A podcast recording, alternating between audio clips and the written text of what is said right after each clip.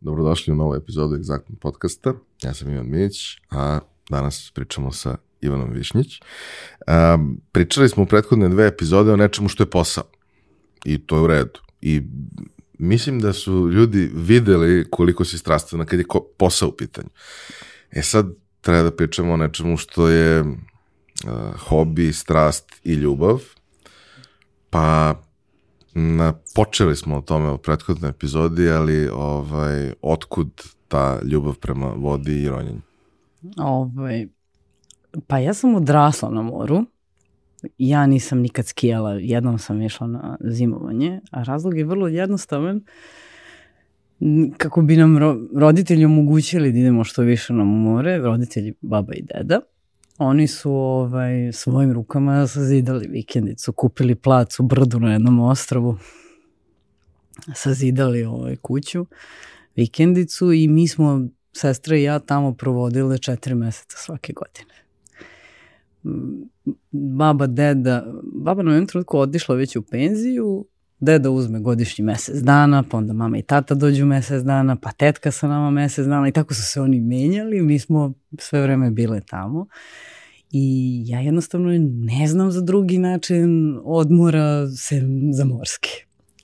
I pošto nije bilo dovoljno odmora, mi stvari nismo nikad išli na zimovanje. Ja sam rođena u junu, ja nešto zimu i ne volim, meni je ovo sad onako malo katastrofično, moram da priznam. Ja mnogo volim leto, volim toplo i kad je toplo uđeš u vodu i rasladiš se. I to je sasvim jednostavno.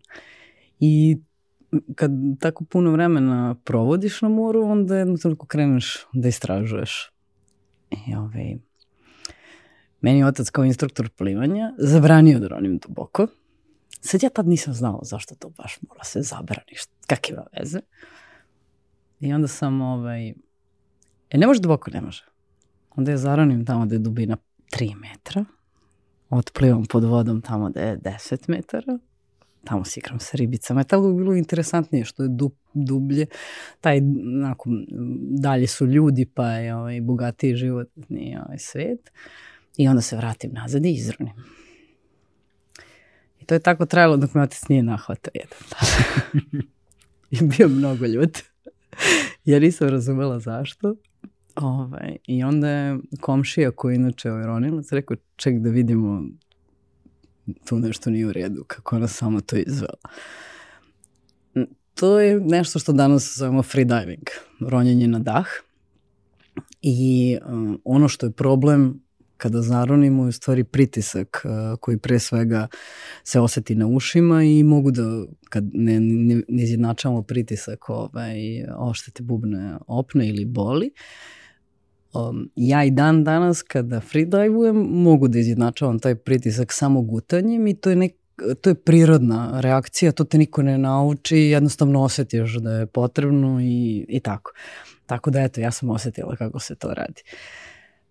Međutim, mene je uvek zanimalo to više. A, poslednje godine kada smo bili tako na moru, ja sam imala 11 godina i sledeće godine trebalo da krenem na kurs za ronjanje, jer je tad moglo da počneš kao junior sa 12 i dan danas po pod smasu je, mislim da je tako, a licencu prvo da dobiješ sa 14, tako da sam, ali nažalost desilo se ove, šta se desilo, ove, tako da napravila sam pauzu u nekom periodu dok se nisam vratila nazad pod vodu. A, kad si stasala i kad si već bila negde u, u poziciji da razumeš šta sve postoji tu od mogućnosti, kako teče taj napredak i sve ostalo, e, kako si isplanirala svoj put, odnosno da li si ga uopšte planirala? Nisam. Desilo se sasvim slučajno. Uh, za 8. mart 2016. ja sam od druga i njegove supruge dobila poklon gde je u poklonu u suštini jedan voucher i sad ti biraš nekih 20 stvari kako ti želiš u stvari da iskoristiš svoj poklon. Pa ne znam, vikend ovde, masaža tamo, masaža, to meni uvek bilo čemu to služi. Intro Zaron. Aha, Hajde da probamo. Na bazenu je tu, na, banj, na banjici je to. E, to ćemo. I sećam se ovaj, da bila sam kod mama i tate na ručku i kaže, e, ja sam rešila da idem na intro Zaron za ronjenje. Tu je bilo nešto svašta i ja sam to izabrala sad pokazujem mami od čega je moja majka najmanje sklona svim tim ovaj, nekim ekstremnim aktivnostima. Ja sam vam pogledala, zašto nismo iznenađeni? ja sam otišla na intro Zaron, zaronila sam i prvi put kada sam udahnula kroz regulator, kada sam počela da dišem u vodi, sad bilo to.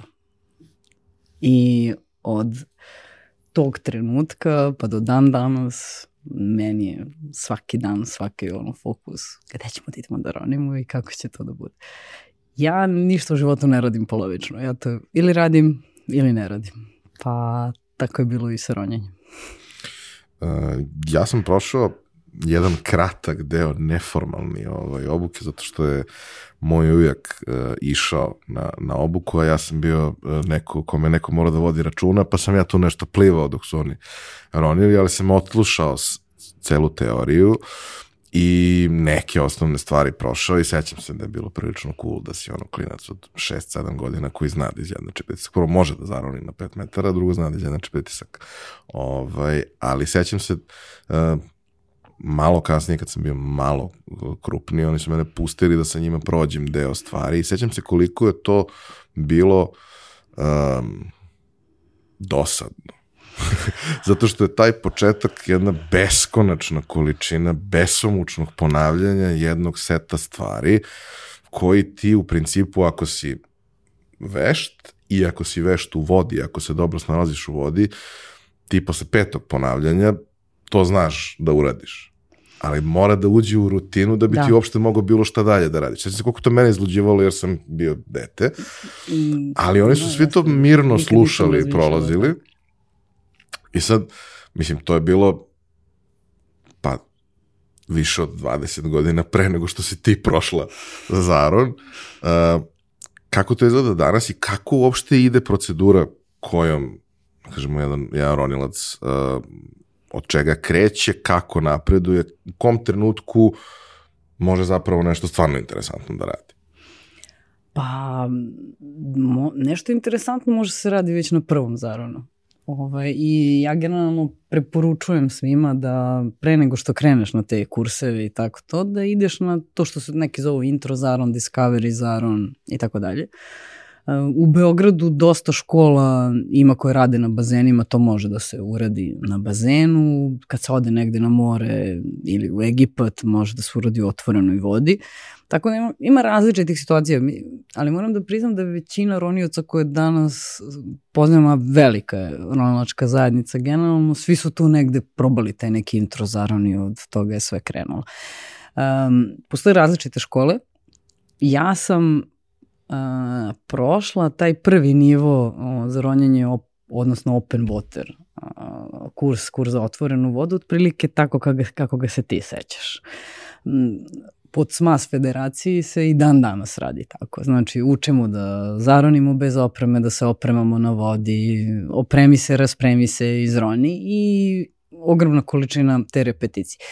To ne moraju svi da rade. Uh, ja, pošto sebe doživljam kao relativno smotanu fizički osobu, ove, ovaj, onda ja više puta ovaj, istreniram sve. I ono što mogu da ti kažem, to meni stvarno koristilo x puta. To što ja mogu sama pod vodom da se raspravim, popravim nešto što je možda cure u vazduh, nije dobro zatvoreno, opremim se ponovo i nastavim da vodim zaran, kao da se ništa nije desilo.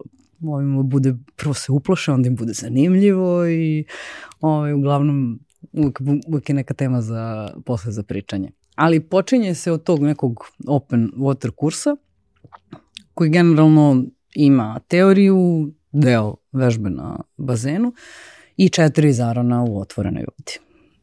U Beogradu to može se uradi na Adi, može da se ode sa klubom na neku ekskurziju, ima ono, različitih mogućnosti. Ali za rekreativno ronjenje, za ronioce, generalno postoje ta tri nivoa, prvi je taj open water ili nivo 1, P1, ima različitih federacija, različito zovu, to je ronjenje do 18 do 20 metara, onda kao malo više naučimo, pa smo advanced open water da, ronioci, onda možemo da ronimo do 30 metara i onda idu posle dive master i treći nivo i tako dalje i nastavlja se na instruktorske. Koliko vremena je potrebno? Ako pitaš mene, potrebno je određena količina vremena i zarana.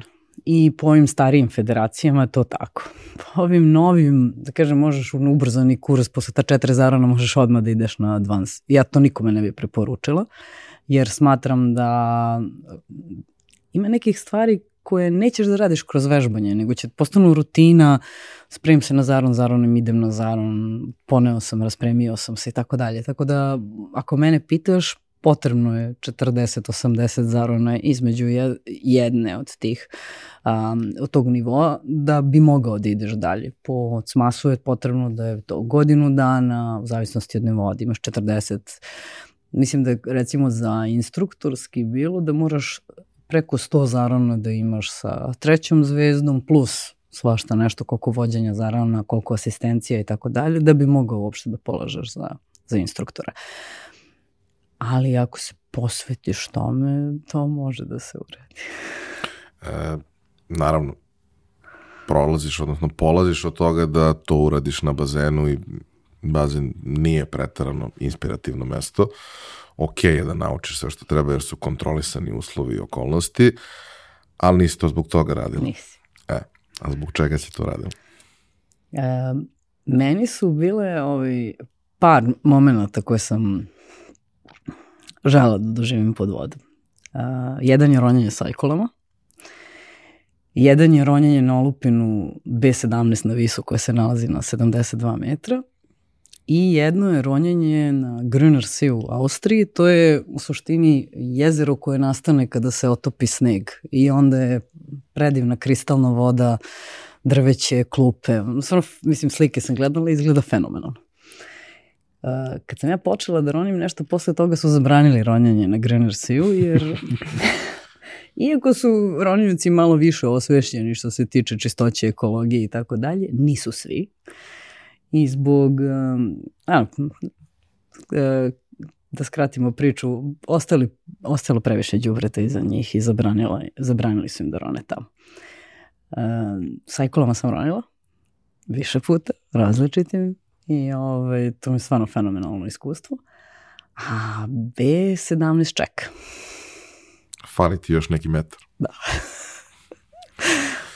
Fali bi se tih 7 metara još. Dobro.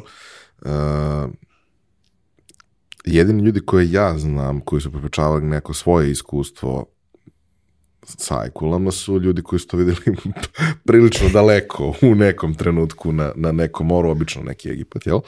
Ovaj, ali mislim da nije poenta da vidiš nešto beskonačno daleko od sebe.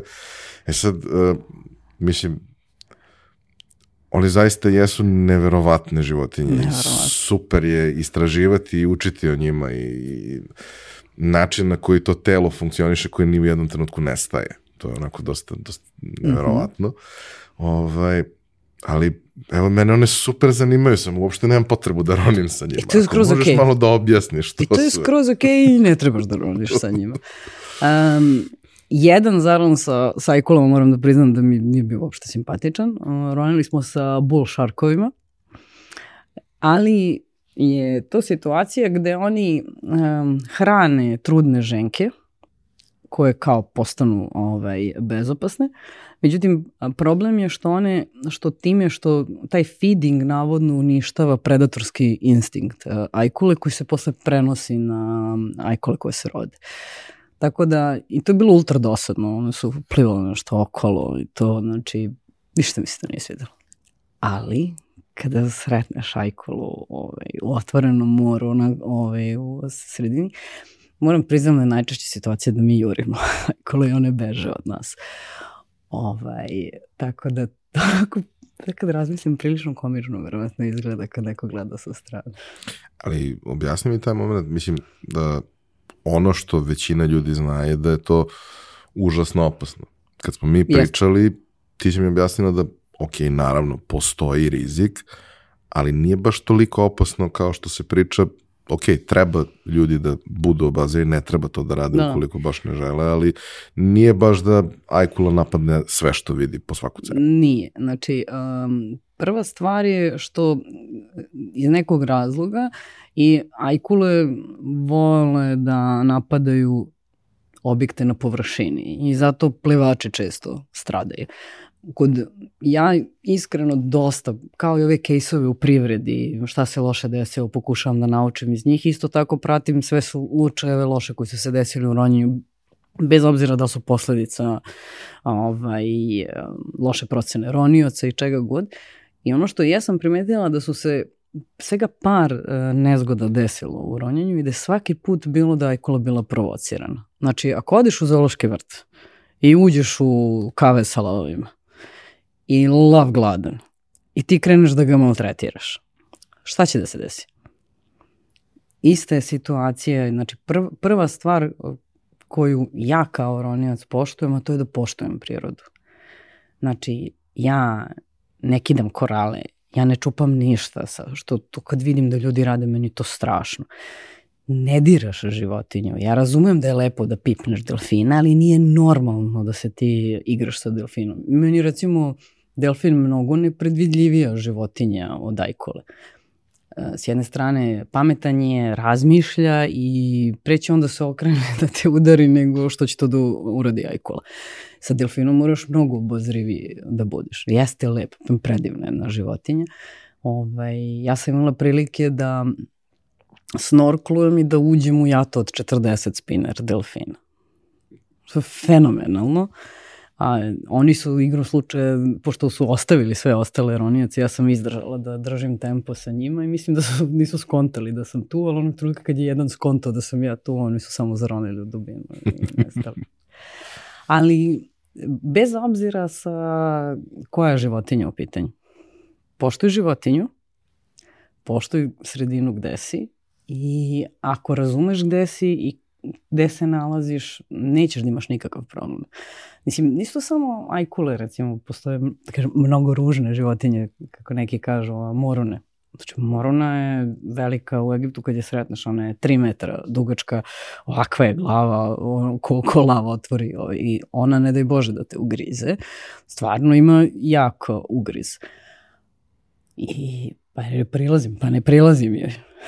Znači ima određena, ono, ono koliko mogu da je priđem, evo ću, eventualno ću da je slikam ili ću samo da pogledam i da odem. Inače mnogo više volim da gledam i da pamtim šta sam videla nego da slikam. Kad god slikam imam ucek da svašta nešto promaklo oko mene. Tako da ja sam od onih što više voli da, da roni i da pamti ono što je videla pod vodom. Um, jedna od stvari o kojoj si mi i ti pričala i o kojoj su mi pričali neki, neki prijatelji koji su ronili su ili da kažem, prirodno podvodno zanimljive lokacije zbog, ne znam, plava špilja kao najbliže i najčešće gde svi idu. A druga stvar su naravno uh, olupine kojih ima na, na nekim lokacijama koje su neverovatno interesantne. Podeli nešto o tome. Ovaj, meni je peti zaron u životu bio na olupini.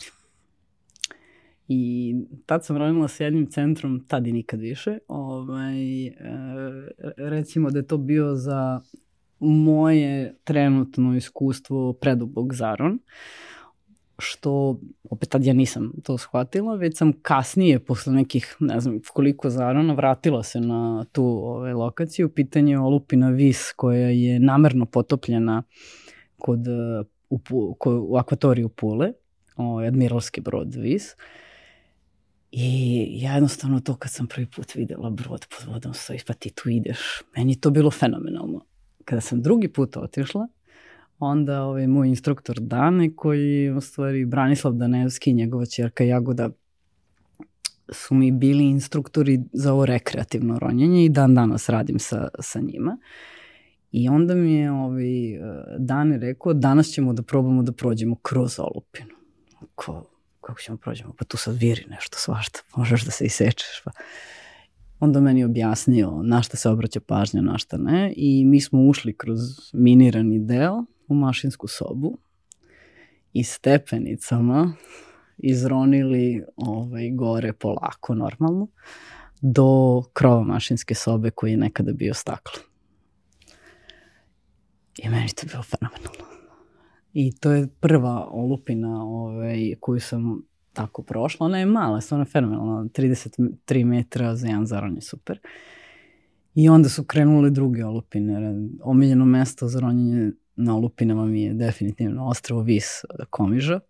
Ove, ovaj, igrom slučaja, to ostravo je bilo i za vreme prvog i drugog svetskog rata izloženo svemu i svačemu, tako da se veliki broj olupina nalazi tamo. Između ostalo taj B-17, a to je avion koji je sleteo na morsko dno ovaj, na dubinu od 72 metra i bombarder je ostao netaknut. Ronila sam na bombarderu B-24, ovaj, nije mi bilo previše interesantno, mnogo mali. ne, interesantno, je da, interesantno mi je bilo da vidim, ali ovaj, eto, B-17 je ovaj, ostao. Ali takođe tu na Visu, pa mislim da mi je Vasilio omiljena olupina, to je brod 110 metara, na, nalazi se na dubini do 55 metara i zaista ono ima velike komore i su generalno dobar i za početnike. Ne mogu baš previše se zaglave jer ima ovaj, širokih odeja.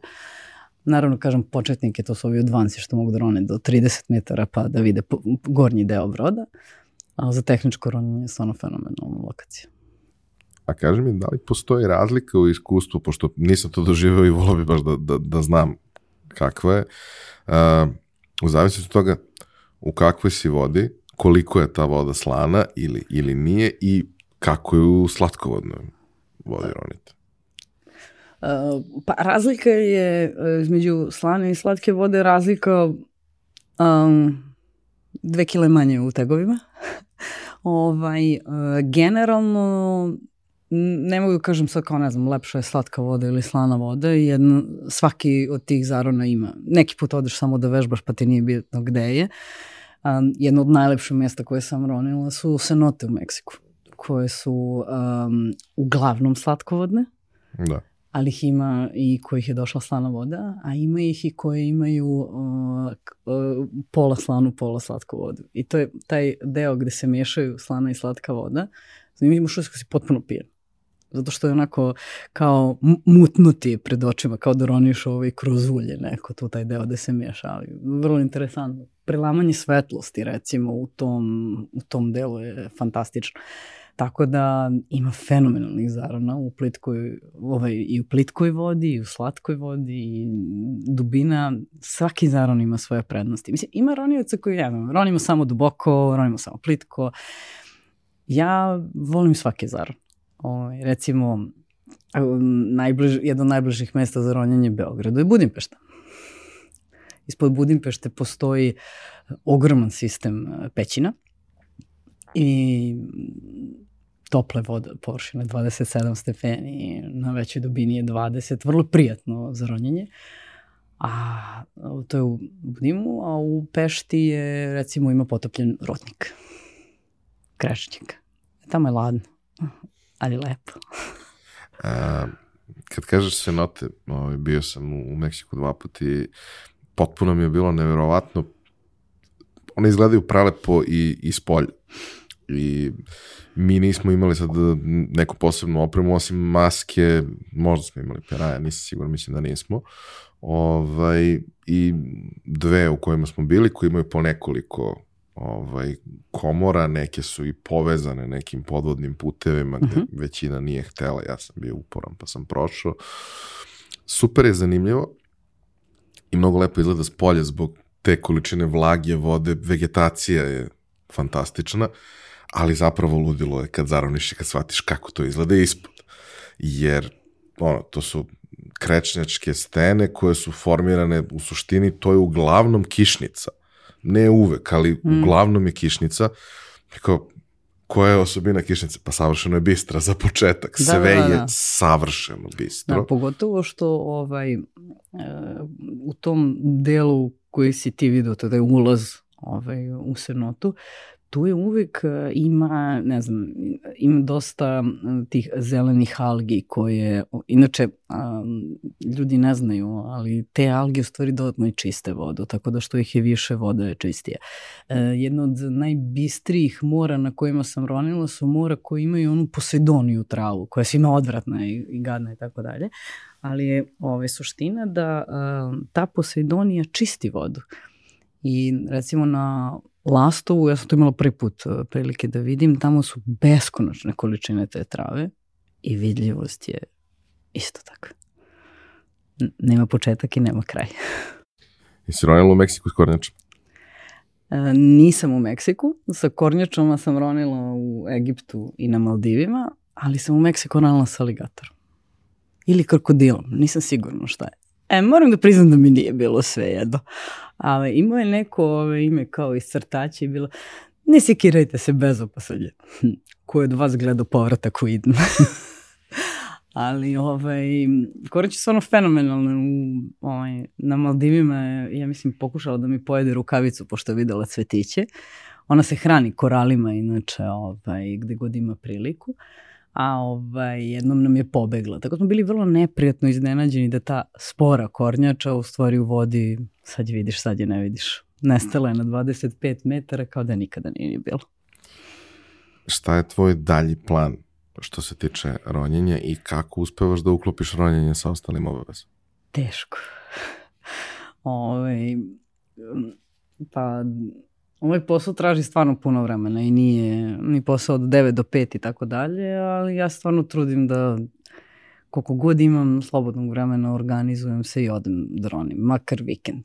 Jedno vreme sam uspela da, ovaj, se, da se organizujem, da petak posle posla sedem u auto, odem u polu ronim, u nedelju se vratim i vratim se na posao. Tako da, ono, gde ima volje, ima i način. Jedna od super stvari koje meni ovaj, u ronjenju je što uvek imaš da naučiš nešto novo. I to nema kraja. Samo zavisi koliko hoćeš da učeš i koliko hoćeš ovaj, da napreduješ. Ja sam počela to sa rekreativnim ronjenjem, pa onda imaš brdo tih nekih kao specializacija, jer da li ti ideš zvanično na kurs ili ne ideš, ne znam, moraš da naučiš kako se roni u suvom modelu, pošto ima nekih stvari koje mogu da ti se dese, trebaš da ih sprečiš. Jer hoćeš da roniš u olupini, moraš da naučiš o čemu trebaš da vodiš račune i šta su problemi. Jer hoćeš da nam učiš da roniš u pećini, pa na kraju odem, završim i kursa za ronjanje u pećinom. U, o, zato sam završila samo početni kurs, to će da čeka ovaj, neku sledeću ovaj, epizodu, ali ono, sa tim sam počela. Što se tiče ovog tehničkog ronjenja, danas ronim sa četiri boce, tri gasa, ali sledeći korak je ono što zovemo CCR, zatvoreni krug. Roniti sa mašinom, tako da vraćamo se opet na ono mašinstvo. E, jedna od stvari koja si pomenula u, u najavi, a i pričali smo o tome pre, ove, ovaj, jeste e, rojenje sa osobama sa invaliditetom. I sad, mislim, ja obožavam vodu. Isto kao i ti. I meni je voda neverovatna zato što ja se u vodi ne umaram nikad. Nikad. I neke stvari su svakako mnogo teže. Zato što je gustina takva kakva je, ali mnogo stvari je mnogo lakše. I naravno, jedan od onih problema koji dolazi kao posledica uh, nevođenja dovoljno računa o sebi i niza sportskih povrede, mene u vodi ne boli ni jedan zglob. Zamisli. A na kopnu ne mogu baš da kažem tako nešto. I kapiram da je to okruženje, prvo to okruženje magično samo po sebi. Jeste. A mogu da zamislim kako je to uh, nekome ko osjeća, siguran sam, mnogo više slobode u tom prostoru. Kako si uopšte došla do toga i kako funkcioniš? Pa opet vraćamo se na, na pulu. Ovaj. Ja kad sam počela da ronim, opet igrom slučaja, sasvim slučajno sam otišla na to jedno ovaj, ronjanje u diving poolu, upoznala Daneta i ovaj, počeli smo da ronimo zajedno. Uh, on je na svoju decu prenao mnogo za nju, čovjek koji roni 45 godina i ja sam imala dovoljno sreće da je iz nekog razloga hteo i na mene da prenese dosta tog svog iskustva. Između ostalog, e, dane je kurs direktor za ronjenje sa osobama sa invaliditetom. Šta to znači? To znači da to je najviši nivo u toj vrsti ronjenja i on je taj koji obučava instruktore za tu vrstu ronjenja. E, ne može neko da se bavi samo tim ronjenjem i samo to da uči. Znači, namenjeno je da ukoliko osobe sa invaliditetom one kreću kroz te programe, a za one koji ih prate, to su ronioci koji su završili neki regularan kurs, stigli do određenog nivoa i onda na tom nivou uče koji god da je nivo dalje, daje master asistent instruktora. Instruktor uče paralelno sve što je potrebno za ronjanje sa osobama sa invaliditetom. Ronjanje sa osobama sa invaliditetom je moguće u velikom broju slučajeva, ali zahteva da se upoznamo, da vidimo šta su mogućnosti, šta su problemi i da napravimo plan ronjenja. To se vraćamo na onaj deo controlling, jel? Tako da sve to, is, sve to je isprepletano.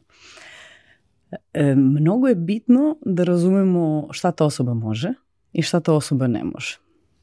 Generalno u rekreativnom rominjanju postoji jedno zlatno pravilo, a to je da uvek ronimo u paru. Jer par je taj koji vodi računa jedan od drugom. Ono što je specifično u ronjenju sa osobama s invaliditetom, da je taj par malo veći. Odnosno da, to najčešće, da su to najčešće tri osobe. Zato što je prvi instruktor taj koji vodi računa o roniocu sa invaliditetom, a drugi instruktor u suštini vodi računa o prvom instruktoru. Tako da svako ima nekog na koga može da, da se osloni. Meni je recimo najinteresa, najčudnije bilo na kursu, jer mi prođemo kroz kurs tako što simuliramo svaki invaliditet. I onda smo simulirali slepilo. I ja sam prvo bila, ali dobro, kako to izgleda osobi koja ne vidi? Ja sam, baš sam dugo pričala sa Danetom i da je jednostavno taj taktilni osjećaj njima potpuno drugačiji od svega što su videli, e, od doživeli ovaj, pre toga i da je to nešto njima sasvim novo i neponovljivo. I kada prođeš kroz to, pre svega ideja da ti razumeš kako se taj čovek osjeća pod vodom, jer je to najbolji način kako ćeš moći da mu omogućiš nezaboravno iskustvo jer to radimo da bi onima koji to ne mogu sami o, omogućili da rone.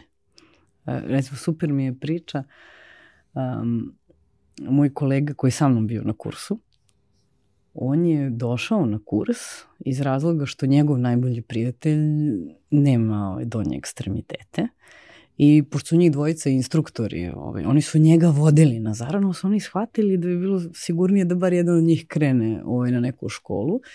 I onda su došli i pre svega su to uradili zbog njega da bi mogli da ga vode na zarano. Verujem da je to iskustvo neverovatno za sve koji u njemu učestvuju. Jeste i sva, ono što ljudi ne vide, tebi zaran traje maksimalno u proseku 60 minuta kod početnika je to 30-40. Ti se za zarom spremaš pola sata, sat, dva sata, da to traje. A to sve zbrojiš. I tegljanje opreme, više ništa nije bitno. Set opreme s kojim ja danas ronim je težak preko 80 kila. Ali vodi se to ništa nasedi. Da, to je mislim najveća stvar. Um, kroz sve ovo što, što si pričala u ovoj epizodi, mislim da smo svi stekli utisak koliko ti je važna priroda, naročito ako je pod vodom. naročito ako je pod vodom.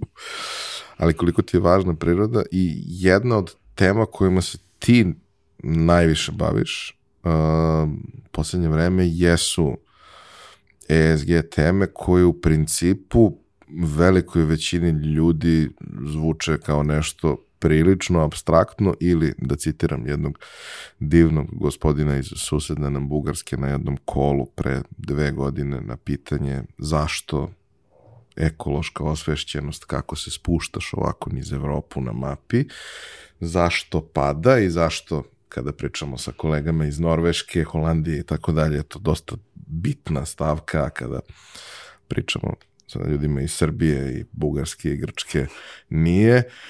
Čovjek koji je ćutao sve vreme na kolu, sati nešto, se javio i uključio i rekao because we have real problems. I sad, ok, imamo mi mnogo svojih problema, ali ako želimo da pristupimo civilizovanom svetu u nekom trenutku, morat ćemo da rešimo te probleme koje imamo. Za početak, koliko god se ovaj, trudili da to rešimo prečišćivačima i ostalim stvarima, da nas ne ubije ovo što dišemo.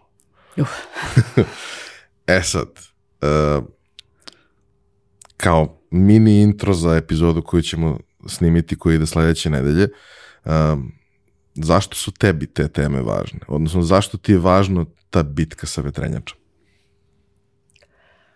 Uf, do, baš, ovaj, baš bitka sa vetrenjačama. E, znači, iz nekog razloga, mislim, ne mogu da kažem da sad meni smeta ta zagađenost samo vode. Generalno smeta mi svuda. Ali odeš da roniš i sve je lepo super i onda flaše, đubre i tako dalje. Znači, pod vodom to izgleda mnogo strašnije. I nekako kroz ovih 7-8 godina ovaj, koliko ronim, sve sam više postala svesnija koliko je to bitno.